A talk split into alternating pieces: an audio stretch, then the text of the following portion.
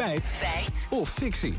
Evelien, we duiken in die achterkamertjes, lobbyregisters, dat soort zaken. Allemaal achter de schermen bij de Europese Commissie. En waarom doen we dat? het ging de afgelopen dagen heel veel over het grote corruptieschandaal bij de Eurofractie van de Sociaaldemocraten.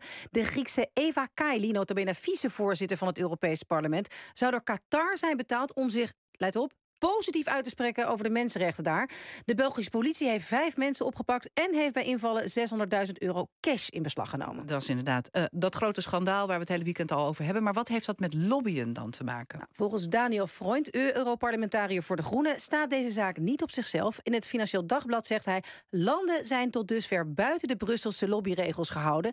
Volgens hem zijn de regels dus niet streng genoeg. Als Europarlementariërs dan met bedrijven praten... dan moeten ze dat melden in een lobbyregister ja. begrijp ik. Maar als ze praten met landen, zoals Qatar, dan hoef je dat niet te melden. We belden Peter Teffer, onderzoeksjournalist bij Follow the Money. Hij schreef eerder een boek over dit onderwerp... en hij legt uit welke lobbyafspraken parlementsleden moeten bijhouden. Europarlementariërs die bijvoorbeeld voorzitter zijn van een vakcommissie...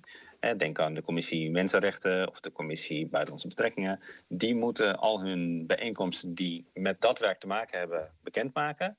Evenals Europarlementariërs die zogenaamde rapporteurs zijn. Die beheren een dossier. Zij coördineren voor het parlement bijvoorbeeld uh, nieuwe wetgeving. En als zij dan contacten hebben met lobbyisten die suggesties geven voor die wetgeving, dan moeten zij dat ook publiceren. Maar voor landen geldt inderdaad een uitzondering. Europarlementariërs hoeven niet te melden dat zij met, met een ambassadeur van Qatar contact hebben gehad. Ook niet wanneer ze bijvoorbeeld een resolutie ontwerpen, een resolutie schrijven over Qatar. Want diplomaten en uh, ander ambassadepersoneel is uitgesloten van die transparantieregels over, over lobbyen. Contacten met andere landen vallen dus inderdaad onder de noemer diplomatiek verkeer. En die contacten mogen allemaal geheim blijven. Maar zou het wat uitmaken als die contacten dan toch inderdaad uh, openbaar gemaakt zouden worden? Zeker wel, dat zegt Arco Timmermans, bijzonder hoogleraar Public Affairs aan de Universiteit Leiden contacten met derde landen, als daar wel regels zouden, voor zouden gelden, zoals contacten ook met belangorganisaties, dan zijn die contacten in ieder geval iets meer te traceren.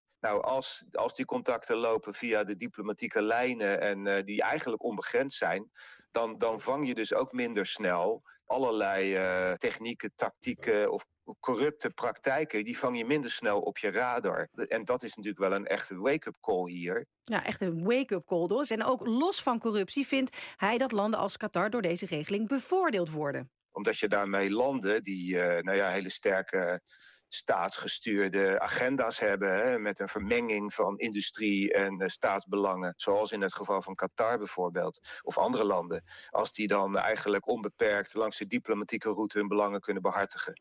En uh, bedrijven die, uh, die kunnen dat niet of die kunnen dat alleen via het register. Maar dan moet je daar ook, moet je daar denk ik die derde landen ook in meenemen. Nou, dat is duidelijk. tot slot dus, die Daniel Freund, Europarlementariër voor de Groenen... die zegt dat er voor landen nog helemaal geen lobbyregels zijn. Is dat, Evelien, feit of fictie? Ja, duidelijk een feit dus. Volgens Timmermans is dit schandaal dus ook een wake-up call. En ook commissievoorzitter Ursula von der Leyen beseft dat. Ze heeft net gereageerd en wil een nieuwe ethische instantie... die de transparantie van alle EU-instellingen moet gaan controleren. Wordt dus vervolgd.